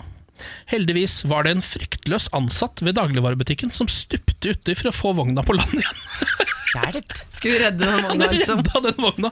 Daglig leder ved Coop Extra Sjøvegan, Agnar Magne Fossbakk, har en teori om hva som står bak den underlige gjerningen. Og Det er da ikke at en fyr hoppa uti og redda han, men hvordan han havna der i utgangspunktet. Ja, ja. Det er nok den første høststormen som har slått til. Vogna tror jeg må ha stått på varemottaket. Der står den lett utsatt, og trillevogner ruller jo lett. Så det kan se ut som det har tatt seg en tur ut på egen hånd, sier Fossbakke. Å, det er naivt. Det er selvfølgelig en lokal ungdomsgjeng som har uh, trilla den uti. Ja. Det er det vi driver med i fylla. Ja, det er en, muligens en lokal ungdomsgjeng som har kjørt til jackass her. Eh, sikkert den som har sittet oppi vogna, så har du bare kjørt han ut i eh, havet. Ja. Um, men jeg syns jo det er fantastisk at de har den typen ansatte som uh, risikerer liv og helse for å hoppe ut og redde en handlevogn. Da vet du Det hadde du har ikke skjedd i Oslo by, vet Nei, det hadde ikke det! Da vet du at du har ansatt uh, rett folk. Var det Agnar Magne som hoppet uti? Nei, det, han, er, han er daglig leder. Han som hoppa uti, han vil være anonym, så han har de sladda på bildet. Er det sant? Uh, ja. Vet du hva? Det var han som eh, sørget for at den havna der i første altså sånn, kanskje det var med, så det, fikk han dårlig samvittighet. Jeg ser for meg typen sånn Slapp av, folkens, jeg henter den vogna. Jeg skal ikke ha noe oppmerksomhet på dette. Du, du med kamera, jeg skal slettes. Eh, Altså, jeg skal ikke ha noe oppmerksomhet. Jeg vil bare, jeg vil bare bidra. Dette er bare en gjerning som jeg gjør av uh, den gode, de gode følelsene i hjertet mitt. Ja. Ikke noe mer og ikke noe mindre. Jeg synes bare det er en litt dårlig investering sånn turistmessig, for uh, i Kragerø der ligger det også en handlevogn uh, ute i vannet, ligget der i mange år. Uh, og mine barn, det er en av de tingene vi gjør når vi er i Kragerø. Vi drar ned til vannet og ser på handlevogna. Er det en turistattraksjon i Det er en slags lokal bitte liten turistattraksjon, så her syns jeg de har vært uh, for snartenkt. Den burde blitt liggende. Morgen på Radio 1. God uh, morgen. I studio sitter jeg, Kenvas Enus Nilsen, sammen med Samantha Skogran og Siri Kristiansen. Niklas eh, Baarli er jo med på 71 grader nord. Ja. Uh, Kommer til å være der litt framover. Jeg har eh, fått inn et spørsmål til deg, Ken. Mm -hmm. fra Markus. Eh, han lurer på om du kunne tenkt deg å være med på 71 grader nord. Neste år, altså. Eh, ja. eh, ja, hvis det er neste år. Hvis Ja. jeg vet det allerede nå. Ja. Men så fort går det jo ikke. Men da kunne jeg vært med, for da kunne jeg begynt å trene meg opp. Men Ja. akkurat nå så er det, altså det um... Det er veldig mange som tenker og sier det der, og så plutselig er det en uke til avmarsj, og man har ikke Ja. kjøpt Ja. sko engang. Nei, jeg vet, men jeg hadde, altså, jeg hadde gjort det. Fordi det marerittet der, det orker jeg ikke uh, uten å være forberedt på det. Men Nei. akkurat per akkurat nå, nei. Nei, så, Dessverre. eh, nei dessverre, Markus. Eh, har du andre spørsmål eh, til oss, så er det bare å sende inn til vår innboks, radio1.no på Facebook. Jeg sitter her klar som et egg for å få flere meldinger. Det som er litt interessant, er jo at altså, akkurat nå på mandager så pleier vi å ha parterapi eh, med Niklas, hvor da hans kjæreste Benjamin sender inn noe som han har problemer med i forholdet deres. Eh, og så pleier vi å løse det på en måte for både jeg og Samantha pleier å sitte og da prøve å løse opp i det, nøste opp i det, både for Niklas og kanskje ikke minst for Benjamin. Vi har blitt ganske gode på det, syns jeg. Ja, jeg synes vi har blitt ålreite på det. Eh, Men nå har det seg sånn at selv om eh, Niklas er av gårde, så er det fortsatt problemer i det forholdet. Så Skulle tro at problemet var løst idet Ja. Niklas dro, spør du meg. Men Jeg tenkte også det, at da må det være greit nå. Ultimate løsningen for de to. Men nå har han altså, så Benjamin har sendt oss et problem også i dag. Oh, ja. Skal vi rett og slett bare give løs på det, eller? Gjerne.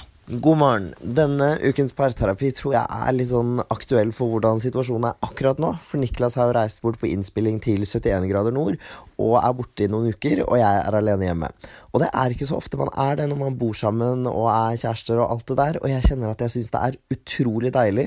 Samtidig så får jeg bitte litt dårlig samvittighet for at jeg ikke savner Niklas så veldig mye.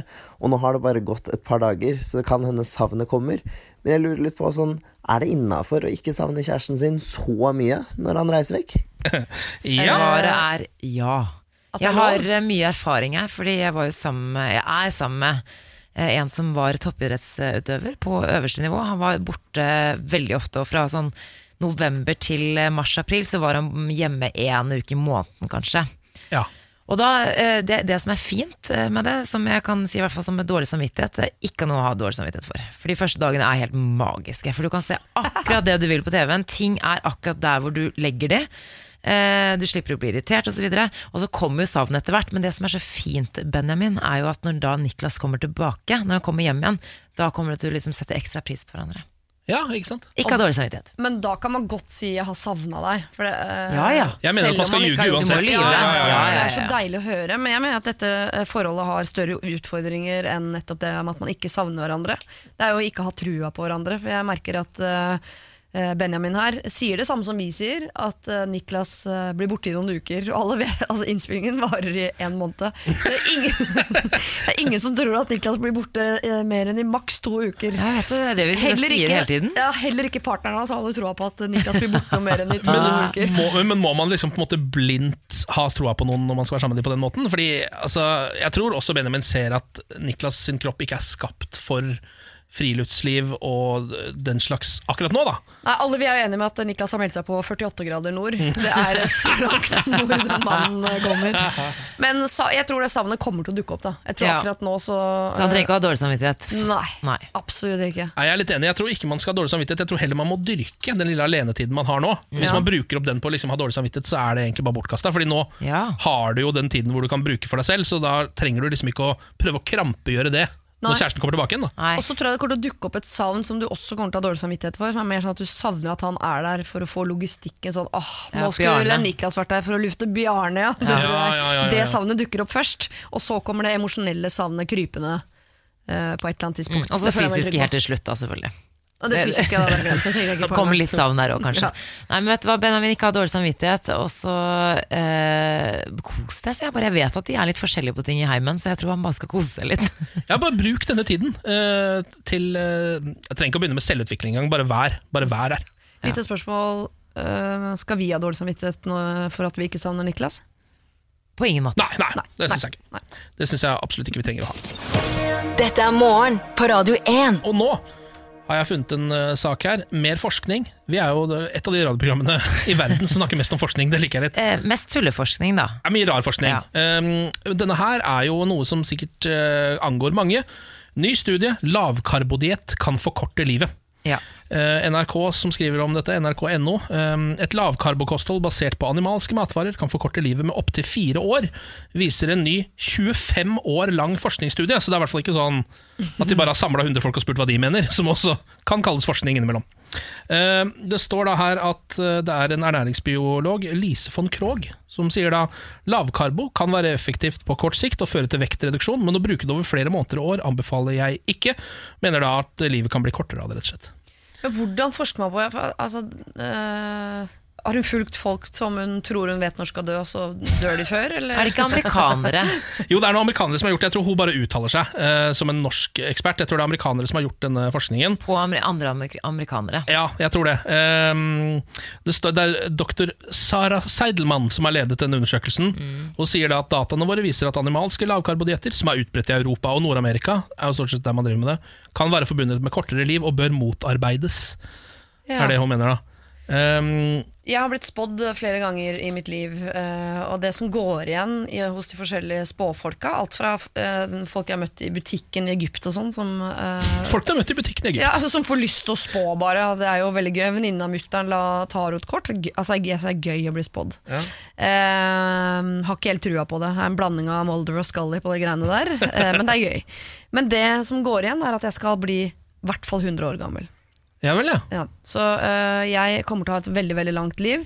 Om jeg da blir 95 fordi jeg kutta ut øh, overdrevet inntak av hvetebakst øh, rundt øh, 30-tallet, det er greit. Jeg syns det er greit. ja. ja men Så du mener at det er bedre Altså at man heller bør være tynn, og så heller dø tidligere? Jeg Tynn har aldri vært et problem i mitt liv, men ikke bælfeit, da.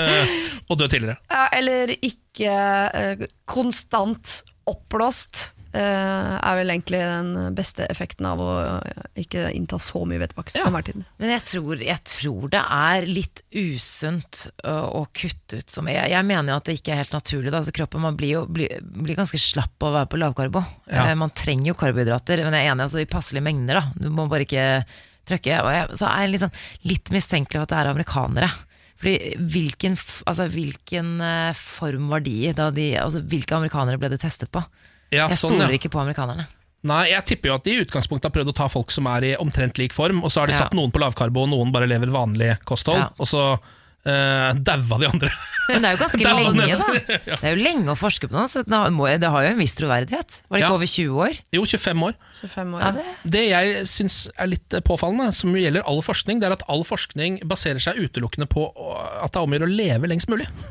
Så Ja. Det er på en måte målet for alt, er å bli 120 år, på en måte, istedenfor å leve f.eks. 90 ganske gode år. da Ja, for jeg, eh, En ting er de fem årene du mister eh, på tampen der, det er nå én ting. En annen ting er de eh, fem årene du totalt har brukt på å gå og lese bak på pakninger for å sjekke Det, mener jeg, det er de årene av livet ditt du mister. Greit nok å liksom være klar over Ja. at du ikke skal gå inn på ethvert bakeri du går forbi og kjøpe en hvetebakst med uh, noe gult på. uh, men å bruke masse tid av livet sitt på å sitte og lese innholdsfortegnelse fordi du skal holde deg unna karbohydrater, det er de årene der du mister. Helt enig. Er helt enig. Eh, Det er mange som har startet på skolen i dag. Og det er mange som sikkert har eh, barn som har startet på skolen for aller første gang i dag. Jeg vet at eh, det er litt forskjellig fra fylke til fylke.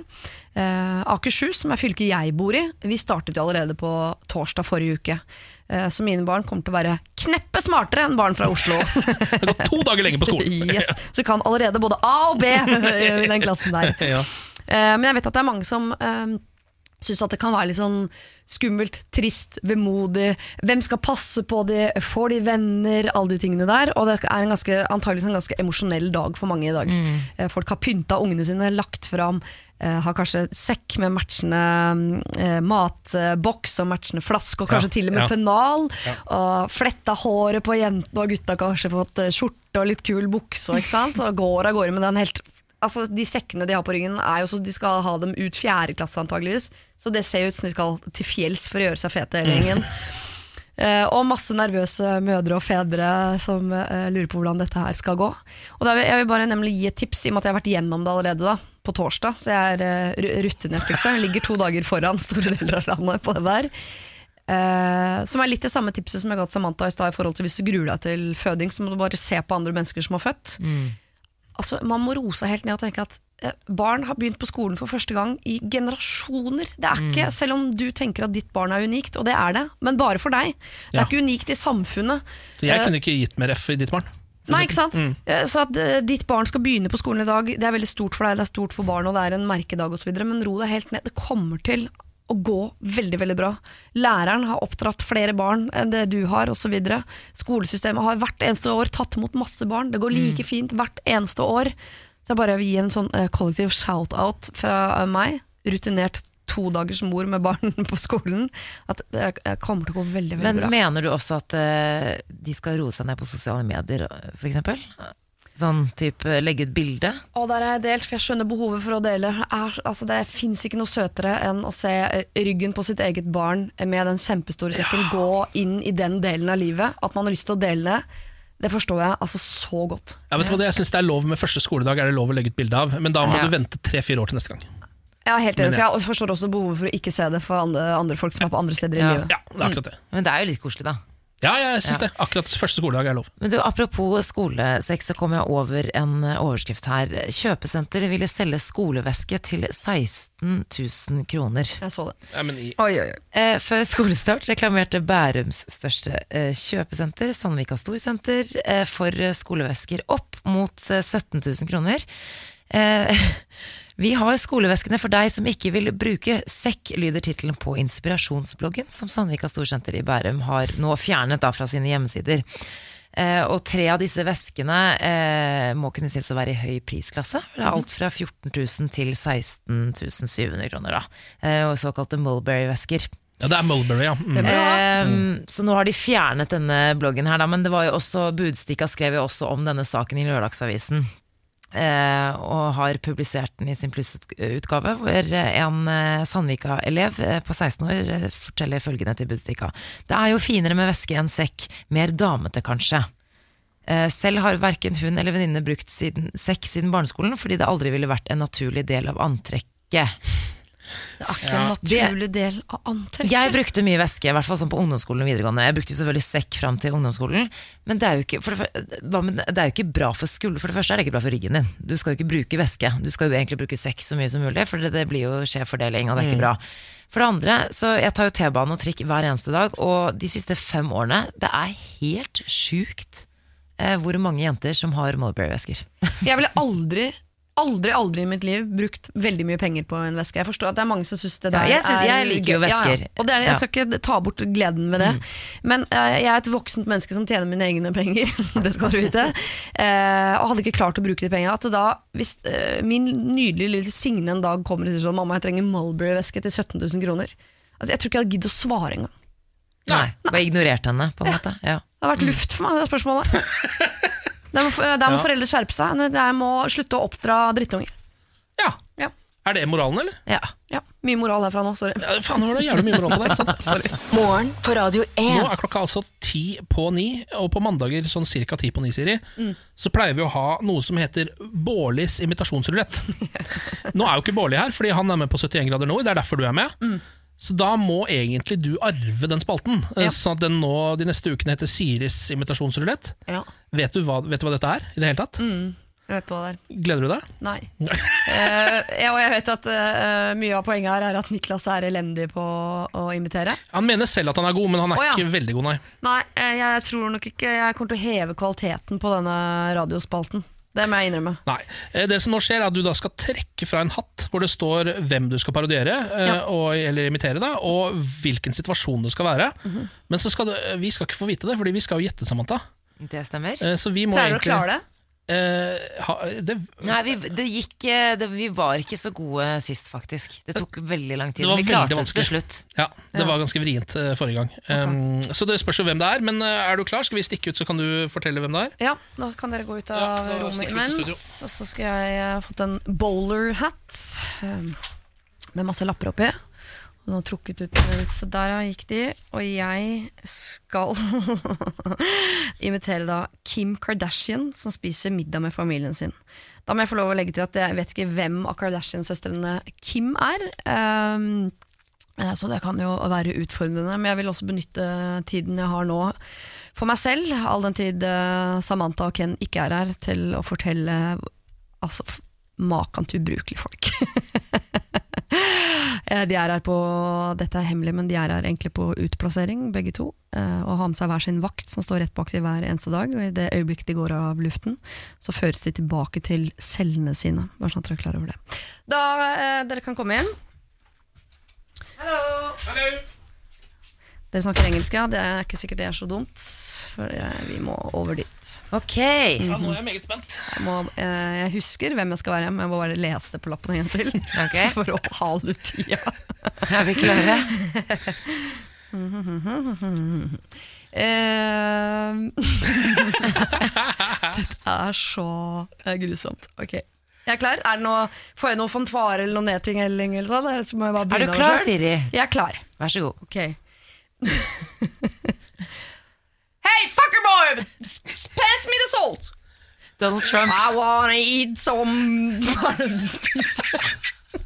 Hey, fucker boy. Pass me the salt! Pass me the salt! I need to put on some makeup. Pass me the salt! Oh, put on some makeup. Ok, Salt og makeup. Dette er jo tydeligvis en amerikansk person. Er det Hey, det første jeg hey, tenker? fuckboy. Hey, fuckerboy. En Jeg aner ikke hvem det er. Jeg driter i om jeg taper. Det her var verdt det. Å bare se Siri. Sier- Så lyst til å dø akkurat nå. Ja, det ser jeg på deg. Jeg ser at du er litt som en skilpadde, så prøver du å trekke hodet inn i kroppen, men det går ikke, Pass me Siri. the salt, I need to put on some makeup. Er det Martha Stewart eller noe? Jeg skjønner ingenting. Ja, for jeg tenker også makeup da, er- da må man jo i hvert fall fordomsmessig tenke at det er en kvinne, kanskje. Eh, fuckerboy. at dette er en amerikansk Er kvinne. det, er det, er det, har det noe med Osborne-familien å gjøre? Det er ikke Sharon Jeg er Osbourne? frista til å si ja på det, men, Men det er ikke eh, det. jeg tipper de har møtt hverandre. i hvert fall Har de møtt hverandre? Er, har det noe med Kardashians å gjøre? Ja, det vil jeg påstå. Er det Kim? Ja. Hva har det med salt og fuckerboy? Eh, altså, Kim Kardashian spiser middag. Jeg vet ikke Spises Hun skulle vel ha salt på maten, jeg i hvert fall. Nei. Hva var, Jeg var i rolle. Jeg hva var situasjonen du skulle spille? Hun skulle spise middag. Kim Kardashian spiser middag? Og hun Ja, sier jo vil, eh, fuckerboy hele tiden. Det, nei, aldri har hun sagt det. Jo, men jeg tenker at hun er ganske kjip, liksom. Eller er hun hyggelig? Nei, jeg vet ikke, men, men var det Kim Kardashian spiser middag? Ja. Å, det var jeg ville være kjip mot Men andre altså, mennesker. kan vi bare ta en applaus for Siri Kristiansen? Ja. Vi fikk det faktisk til. Ja, men altså, Elendig invitasjon, men bare for liksom the performance, da. Ja. Oh, ja. Det var helt nydelig. Til mitt forsvar, jeg har ikke sett på The Kardashians, så jeg vet ikke hvem av de hun Kim er. Nei. er dette din første parodi gjennom tidene? Nei, det tror jeg ikke. Nei, Eh, det kunne vært. burde kanskje bare sagt ja Jeg der. syns det var god. jeg synes det var, god. god til, det var veldig god på amerikansk. Det, det var bra. Ja, det var det. Morgen på Radio 1. Hverdager fra seks. Og nå også med Pernille, som har kommet på jobb. God, morgen. morgen. Står det bra til? Det står veldig bra til. Jeg har det fint. eh, Og jeg humrer godt for meg selv, fordi at eh, når jeg blir satt på lag med andre mennesker som jeg ikke kjenner, og skal ha tautrekningskonkurranse, så peker de på meg og sier Pernille, du er ganske sterk, så du må stå litt langt bak, for jeg ser at du liksom er ordentlig sterk. Og det er løgn. Jeg tror jeg er den svakeste faktisk på alle lag jeg blir satt på. For du har vært med i tautrekkingskonkurranse i løpet av helga. Ja? Det stemmer, eh, og jeg syns det er eh, ekstremt festlig at det er sånn en gruppe med mennesker da, som ikke har, kjenner meg, tenker sånn Du er sterk i både armer og bein, det ser Ja, men du ser seriøst trent ut. Ja, Det er jo veldig hyggelig. Og det er løgn. Det er ingen muskler i denne kroppen. Jeg kan ikke ta en pushup hvis det står en person med en pistol mot hodet mitt en gang. Liksom. Jeg har det litt på samme måte Folk tror også at jeg er ganske sterk, og da tror jeg de eh, blander styrke og fedme. For det er to helt forskjellige ting. Selv om man har stor ja, takk, takk for det. Men det er jeg ikke. Ja, men I en tautrekningskonkurranse så kan fedme fungere like bra som uh, styrke, for å bare legge tyngden bakover. Det er helt riktig. Mm. Akkurat i tautrekking så funker det håndbak, not so much. uh, Men Pernille, du har jo fått en uh, ny oppgave i dette programmet, nemlig å være på en måte Morgen på Radio 1s personlige meningsmålingsapparat. Stemmer. Som stikker ut på gata og sjekker hva folk mener om ting som vi ofte har snakka litt om her i programmet. Ja, og på fredag så kom jo jeg eh, med et spørsmål til dere, fordi at jeg, eller du var jo ikke her igjen, men alle de, jeg spurte de andre sånn, hvor ofte bruker dere tanntråd, fordi jeg synes det er litt sånn skremmende at uh, mange personer tilsynelatende er ganske flinke til det, Uh, og lurte på om det liksom er løgn, eller om folket faktisk bruker tanntråd, for jeg gjør ikke det. Cirka aldri, egentlig. Eh, aldri. Aldri. Skal jeg være helt ærlig, så jeg er veldig avhengig av tannpirkere, men tanntråd, nei, bruker jeg ikke så ofte. Once a week, twice a week. En gang i uka. En gang i uka. Vil si hver dag, men det er løgn, så kanskje annenhver dag. Eh, hver kveld. Det gjør jeg faktisk hver dag. Hver dag? Hver dag, morgen og kveld. Det var jeg ganske stolt over å si, kjente jeg. Det gjør jeg også hver dag. Jeg har hatt noen veldig dyre tannlegeregninger nå, så nå må det passes på. Ja, men Det var litt deilig å høre at, det, at det var ganske mange som ikke brukte det. da Ja, men Så så er det sånn, hun ene som lyver, eller som er sånn, jeg vil si hver dag, men det er bare annenhver dag, eh, og tenker at det er et, at hun har tapt i livet på noen som helst Ja. måte, da, det skremmer meg. Det som for meg er feilen med tanntråd kontra tannpirker Fordi tanntråd er mye sunnere enn tannpirker. Men tannpirker er veldig godt. Altså Det gir en eh, egen god penetrasjonsfølelse mellom tennene. Uh, mens tanntråd gir meg ingenting. Jeg syns tanntråd også kan uh, bli for privat, på en måte. For du må jo uh, Det blir som en tanga, litt for liten trang- ja, og så- tangatruse. er- Og så er det så det er, ikke, det er ikke estetisk vakkert, liksom, for du må inni, og det er så Men du syns tannpirker tannpirker er liksom. sexy? Nei, men jo, om du kan dra i land en god tannpirkersekvens Har dere eh, sett hvor mange filmer som har den der strå i munnen? Ja, Tannpirker ja. har en litt sånn samme, Samme effekt. Ja, ja. Ja.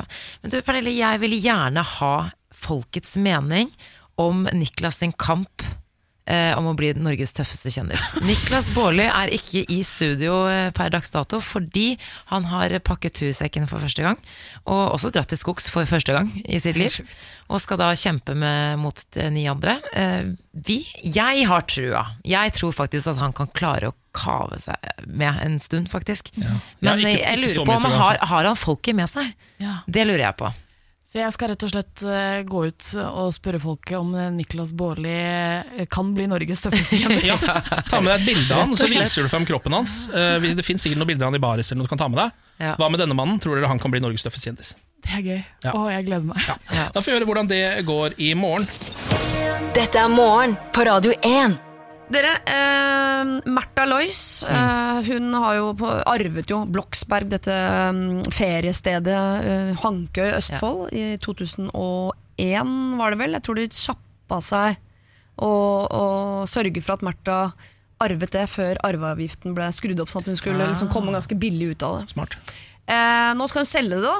Ja. Eh, ønsker å, å, å selge stedet, og derfor har fått en takst på 35 millioner kroner. Da hun overtok det, så hadde den en takst på 20 millioner kroner, eh, så det har da økt eh, med ytterligere 15 millioner på de årene. Eh, Men så er det da altså Per Olaf Lundteigen, stortingspolitiker for Senterpartiet, og tidligere saksordfører for bevilgningene til kongehuset. Han mener at regjeringa må komme med en minnelig avtale med Märtha og kjøpe da feriestedet. For han syns det er upassende at Bloksberg blir solgt til eh, private. Han vil at det skal være en eh, skatt for fellesskapet. Ja. Eh, om hvorvidt jeg er enig med Lundteigen eller ikke, det klarer jeg ikke helt å, å bestemme meg for. Men la oss nå si da at han får det som han vil, og at Bloksberg skal gå eh, til fellesskapet og bli hele Norges felles skatt. Da er jeg nysgjerrig på hva det skal brukes til, for at det skal komme fellesskapet til gode. Ja, ja, for Hva er dette egentlig for et sted? Det er et, et slags landsted slash Ja. slott. Det er ikke sommerhytte, det er et feriepalass, vil jeg si. Ja, Det er et enormt sted, og som nå også Det er jo bare noen år siden Märtha eh, bygde et basseng der, som det var mye føss rundt det også. Hvem skulle betale for det egentlig, så videre Ja, Så det er basseng der. er basseng, ja. Er det også ved vannet, eller? Det er så ved vannet, det. Ja.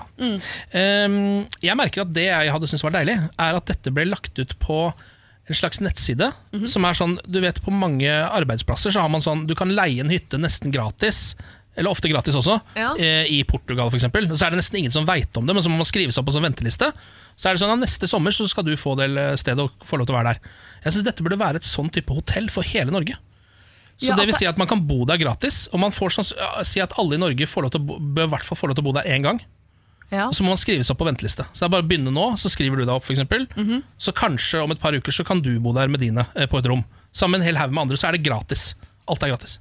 Det, har vært, men det er er litt sånn gode som man har for eksempel, Hvis man jobber i et stort konsern, så har de ofte noen sånn firmahytter. Så skriver Mm. man seg opp, og er man heldig så får man det i påsken et år. Eller så får du det litt sånn at du må avspasere for å dra dit med familien Mm. på et eller annet tidspunkt. Hele Norge. Ja, det, er vår, det er jo- det er vår firmahytte. Ja, dette er firma Norge, liksom. Dette er jo noe vi på en måte har vært med å betale for. Ja. Gjennom skattepenger og apanasje. Og dette, er- jeg vet ikke, det var kong Olav eller noe sånt som kjøpte den hytta eller det der Ja. sjappa der i 1959. Holdt jeg på å si. Ja, ja, Det har jo vært familien i 100 år. Ja, ikke sant? Så jeg synes det er litt hva rart at syns dere om romersk bad? Ekkelt eller veldig deilig? Jeg vet ikke, Hva er forskjell på romersk og tyrkisk bad? Jeg føler at det er veldig mye nakenhet og grums. Ja, du blander med Farris-spa. Ja. Ja, det er nok spa. Jeg orker ikke flere spahoteller. Jeg var mer eh, Jeg synes det var gøy å gjøre det om til noe sånn eh, eh, Litt sånn Disney World-aktig, ja, bare med norske ting. Da. Mer sånn troll, vetter og nisser og huldrar og Vet du hva, Nå har jeg det. Mhm. Det beste man kunne gjort med det stedet, er å lage sånn derre uh, slags sånn mordgåte Escape Room! Escape room-aktig Og sted. det er gøy. Bare at det er sånn mordgåte, så du kommer inn der, Ja. og så er det en eller annen som, er, eh, som har liksom har blitt drept, og så i løpet av den helga så må du finne ut hvem som har drept den. Ja. Så er det folk som skuespiller som spiller alle mulige folk inni der, og sånn. Ja. Og så bor du på hotellet. Ja, og så heter det Bloksberg. Og så heter det Bloksberg. Det er, kjempegøy. det er jo det var det beste spøkelseshus, liksom. På en Ja. måte. Eller at det er rollespill hvor man må gå gjennom heksejakten som har jo øh, vært i dette landet. Eller at man må leve seg inn i kongehistorien. Man får utdelt roller. Så kan du bli, være Ja. heldig å være kong Olav, f.eks. Ja. Eller du kan bli hoffnarr. Ja, det, Eller Ari Bensen. Eller arbeid. ja, det hadde vært litt ålreit, å lage altså, et slag, en slags bitte liten fornøyelsespark for hele landet. Ja. Gi Bloksberg til folket. Ja, ja, Men det skal være gratis, og alle må skrive seg på lista. ja. Der har vi det, tror jeg. Er dere enig, eller? Ja, jeg synes vi, vi sender det inn som forslag, i hvert fall. Det er bra. Morgen på Radio 1. Hverdager fra sex. Der! var podkasten ferdig. Vi er utelukkende innom for å melde det, eh, sånn at nå må du finne på noe annet å gjøre. Det har ikke du skjønt før nå. Det tok deg ganske lang tid. eh, Jeg skjønner det fortsatt Veldig ikke helt. merkelig som når du er radiomann, Ken, men det tok deg lang tid før du skjønte at eh, ja, vi skal markere at podkasten er over, ja. Du Ja, skjønte ikke det. Som radio-podkast-lytter så ville jeg forstått det uansett. Ja, ikke sant? I det lyden er borte, så ville jeg Ja, forstått det er det jeg at podkasten var over. At jeg, når, når Men jeg er er over middels intelligent, da. ja, men- ja, men det er sånn når jeg sitter, jeg sitter og ser på Game of Thrones, da. Mm. Så er det ikke sånn på slutten så kommer Ned Stark inn og That was today's Game of Thrones. Det er, sånn, det er bare du skjønner at det er ferdig. Ja. Jeg ikke Men du spør hver dag, kan jeg bare Sånn er det. Ja. Samme som at vi synger, dessverre. Eh, hver gang vi går inn i den podkasten, så må man gå ut også. Ja, ja, jeg skjønner. Du, Vi har jo snakket mye om eh, skolestart og barn og hygge. Veldig mye koselig. Vi har eh, fått en melding fra vår kjære lytter Færa. Hun eh, er mammaen til eh, vår lille Radio 1-baby, eller Radio 1-unge. Ja. Som eh, liker podkasten så godt at hun faktisk har sendt inn en video hvor hun synger podkast. Synger podkastintroen. Det er altså en så søtt. mye altså Hvis det hadde vært sånn hver gang, så hadde jeg vært med på syngingen. Men dere er ikke like søte som Nei, henne. nei, er. Men uansett, hun har bursdag i dag, eh, og hører på podkast hver gang eh, mammaen henter henne på vei hjem fra barnehagen. Så gratulerer med dagen. Ikke skrevet navn, men datteren til Farah, gratulerer med dagen. Gratulerer! ja. Nei, da tror jeg vi har bydd nok, jeg. Har vi ikke det, da? Tror du ikke det? Jo, det er nok Spare nå. litt til i morgen. Ja. Ha det! Ha det.